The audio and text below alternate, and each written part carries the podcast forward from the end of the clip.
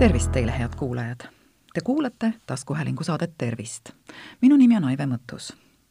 tänasesse saatesse valisin ma ühe päris pika intervjuu, mis ilmus kahekümne kaheksanda jaanuari Maalehes. intervjuu autor on hea kolleeg Kristiina Viiron. ja stuudiosse sõites meenus mulle, et mõned aastad tagasi leppisime Kristiinaga kokku, et läheme koos suusatama no siis ei olnud äh, vahepeal tükk aega lund, aga nüüd on kena talv kohal, nii et hea Kristiina, kui sa kuuled, siis äh, mõtle selle peale, millal me läheme koos suusatama. aga seni, kuni Kristiina mõtleb, äh, loen ma ette tema intervjuu doktor Rein Raiega. ja praegusesse aega sobib see intervjuu väga hästi, hoolimata sellest, et mõnele võib mõni aspekt selles loos ka üllatav tunduda ja intervjuu pealkiri on Selja panevad valutama ka ärevus ja depressioon. püüan teile siis ette lugeda seda nii, et et te aru saaksite, mis on küsimus ja mis on vastus. häält moonutama ei hakka. ligi viiskümmend aastat selgasid ravinud ortopeed Rein Raie tõdeb, et lihtsam on nende haigetega, kes arsti soovitusi kuulda võtavad ja liikuma hakkavad aga osa inimesi kardab füüsilist aktiivsust ja valu ega usu võimlemise raviasse mõjusse. ja otse loomulikult algab intervjuu küsimusega. mis teeb inimeste seljad haigeks? kas haigused ja nende põhjused on viiekümne aasta jooksul muutunud? tohter vastab, põhjuseid on muidugi palju. enamasti toob inimest arsti juurde valu.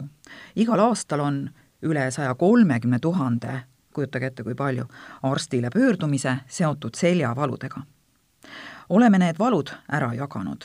niinimetatud punase lipuga on infektsioonid, kasvajad, metastaasid, luumurrud, progresseeruvad lülisamba neuroloogilise staatusega halvenemised. see kõik on kirurgide pärusmaa ja selliste vaevuste hulk ei ole ajaga muutunud aga põhiline, mille pärast inimesed meie poole pöörduvad, on mööduvad seljavalud. Need on niinimetatud kollase lipuga ja neid nimetatakse mittespetsiifilisteks valudeks, kuna ei ole seotud mingi tõsise seljahaigusega. kuuskümmend kuni kaheksakümmend protsenti inimestest on elu jooksul tundnud seljavalu ning üheksakümnel protsendil on need healoomulise prognoosiga ja raviga annab valu järele kümnel-viieteistkümnel protsendil jääb valu krooniliseks, see tähendab, et kestab üle kolme-nelja kuu. Nende haigete hulk on viimase kahekümne aasta jooksul aga märkimisväärselt suurenenud.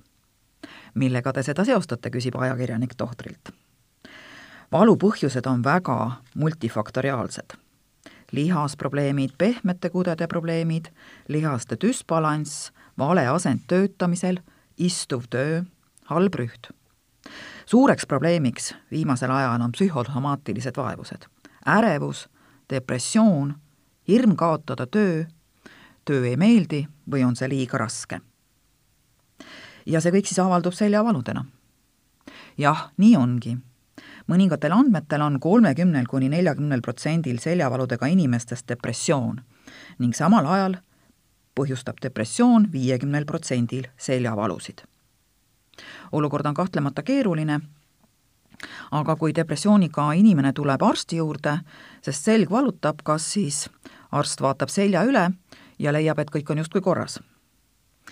doktor Raie sõnab, et olukord ongi keeruline, sest seljavalu ei ole haigus, kui ta ei ole punase lipuga grupi all, vaid on sümptom tunneme ju vahel ka näiteks kõhuvalu. Need haigused saavad spetsiifilise erialase diagnoosi kümnel-viieteistkümnel protsendil juhtudest. kas leitakse siis kõh-, kõhkoe kahjustumine ehk osteokontroos, lülide jäikus ehk spondüloos või mõni muu selline asi. aga seitsmekümne viiel, kaheksakümnel protsendil jääb seljavalu ilma spetsiifilise diagnoosita. ja paljud ei ole nõus sellega, et kuidas siis nii, mul ju selg valutab ja mul ei ole haigust. aga midagi teha ei ole, sest depressioon ja ärevus, need kõik põhjustavad seljavalusid. Nende haigetega on tõesti probleem, et kuidas neid ravida. enamik neist on kindlad, et tuleb teha magnetresonantsuuring, aga see ei muuda tegelikult midagi, sest mittespetsiifiliste seljavalude korral enamasti puuduvad drastilised muutused lülisambas otse loomulikult küsib ajakirjanik õigustatult, et kuidas siis valust lahti saada. ja tohter vastab, et põhiline on muidugi konservatiivne ravi. Neid haigeid peaks tegelikult ravima perearst, füsioterapeut, taastusraviarst. Nad ei vaja ortopeedi konsultatsiooni. kel on valud pikalt kestnud, need tuleks aga saata ortopeedi juurde. peamine ravi sellisel puhul on valuvastane, ravikeha kultuur ja füsioterapeutilised protseduurid, näiteks laser või magnetravi või mõni muu selline. kes neid nõuandeid järgivad, liikuma hakkavad, neil on tavaliselt ka tulemus hea. aga osa inimesi, isegi pooled, kardavad füüsilist aktiivsust ja valu ka ning ütlevad, ma pean voodis olema, ma ei tee. võimlemine, see ei ole mingi ravi, ma teen ju kogu aeg füüsilist tööd ja liigun niigi vot äh, nende haigetega on tohtri sõnul probleem. nii et äh, suhtumist tehke mind korda, te ikka kogete, küsib ajakirjanik. ikka, ikka. inimesed arvavad, et neil on tõsine haigus ja paranemist segabki depressioon või siis ärevus. nüüd on neid haigeid ka juurde tulnud, sest olukord on ju selline. inimesed jäid koju, töökohad pandi kinni ja tööd ei olnud mida siis äh, tohtrid nende haigetega peale hakkavad. peamine ongi doktor Raie sõnul haigete harimine, nendega rääkimine ja enamik saab valu põhjustest aru. aga lisaks ka niinimetatud punase ja kollase lipuga haigustele on veel olemas lülisamba depressio-, mitte depressioonid, vaid deformatsioonid. vildakselgsus ehk skolioos ja kumerselgsus ehk, ehk küfoos ning lisaks ka lülide nihkumine. see grupp on enam-vähem ühesugune olnud ega ole aastate jooksul muutunud. üks ortopeedist kolleeg ütles doktor Raie kohta, et arst on tänapäevase seljakirurgia rajaja. ja ajakirjanik küsibki tohtrilt, milles siis tema töö seisneb. doktor Raie vastab, et tema nišš on lülisamba deformatsioonid ja selles on ta tõepoolest alusepanija, aga mitte kogu seljakirurgia rajaja. ma alustasin Turneri nimelises Leningradi lasteortopeedia instituudis.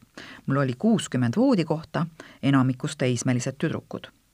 kahe tuhande neljasajast tehtud lõikusest üle kahe tuhande olen teinud tüdrukutele. ja ajakirjanik palub rääkida tohtril sellest tee rajamisest lähemalt ning tohter teeb seda hea meelega seitsmekümne neljandal aastal tutvusin ameeriklase Paul Harringtoni meetodiga ja hakkasin instituudis selle järgi opereerima. paigaldama siis tema loodud Harringtoni varrast. enne seda opereerisime kaheetapiliselt, haiged olid kuus ja kaheksa kuud haiglas sees, pidid olema kipsis ja resultaat ei olnud kõige parem. nii, keerame lehte kui hakkasime Harringtoni meetodi järgi opereerima, läksid tulemused palju paremaks. patsiendile tähendas see hoopis vähemat vaeva, enam ei pidanud kipsis olema. selle meetodiga sai selja kuuskümmend kuni seitsekümmend protsenti sirgemaks. kuna meil instituudis olid nii head tulemused, hakati mind ka teistesse haiglatesse ja instituutidesse opereerima kutsuma ja seda meetodit juurutama olen opereerinud üheteistkümnes kliinikus, sealhulgas Riias, Novosibirskis, Taškendis, Dušanbees. mul on kolm-neli autoritunnistust, aga need ei ole revolutsioonilised. Need kõik on Harringtoni meetodi täiustamised kuid viimase kahekümne-kolmekümne aastaga on lülisabakirurgia, laste deformatsioonide korrigeerimine tohutult edasi arenenud. uuenevad implantaadid, kruuvid, konksud ja vardad praegu operatsioonid kestavad kauem, kuid tulemused on võrreldes Harringtoni meetodiga tunduvalt paremad. aga meie alistasime just selle Harringtoni meetodiga opereerimist, kui kõverus oli kuuskümmend kraadi. praegu opereeritakse juba neljakümnekraadist kõverust. operatsioon on kergem ja tulemused paremad ning tihti tehakse selg sajaprotsendiliselt sirgeks. kas see puudutab ainult noori või ka vanemaid inimesi? ka vanemaid inimesi, ütleb arst inimene saab tagasi parema liikumisvõime, valud kaovad, elukvaliteet paraneb oluliselt. lastel skolioosi puhul valusid siiski pole, selg lihtsalt jäigastub. küfoosi puhul aga on valud küll.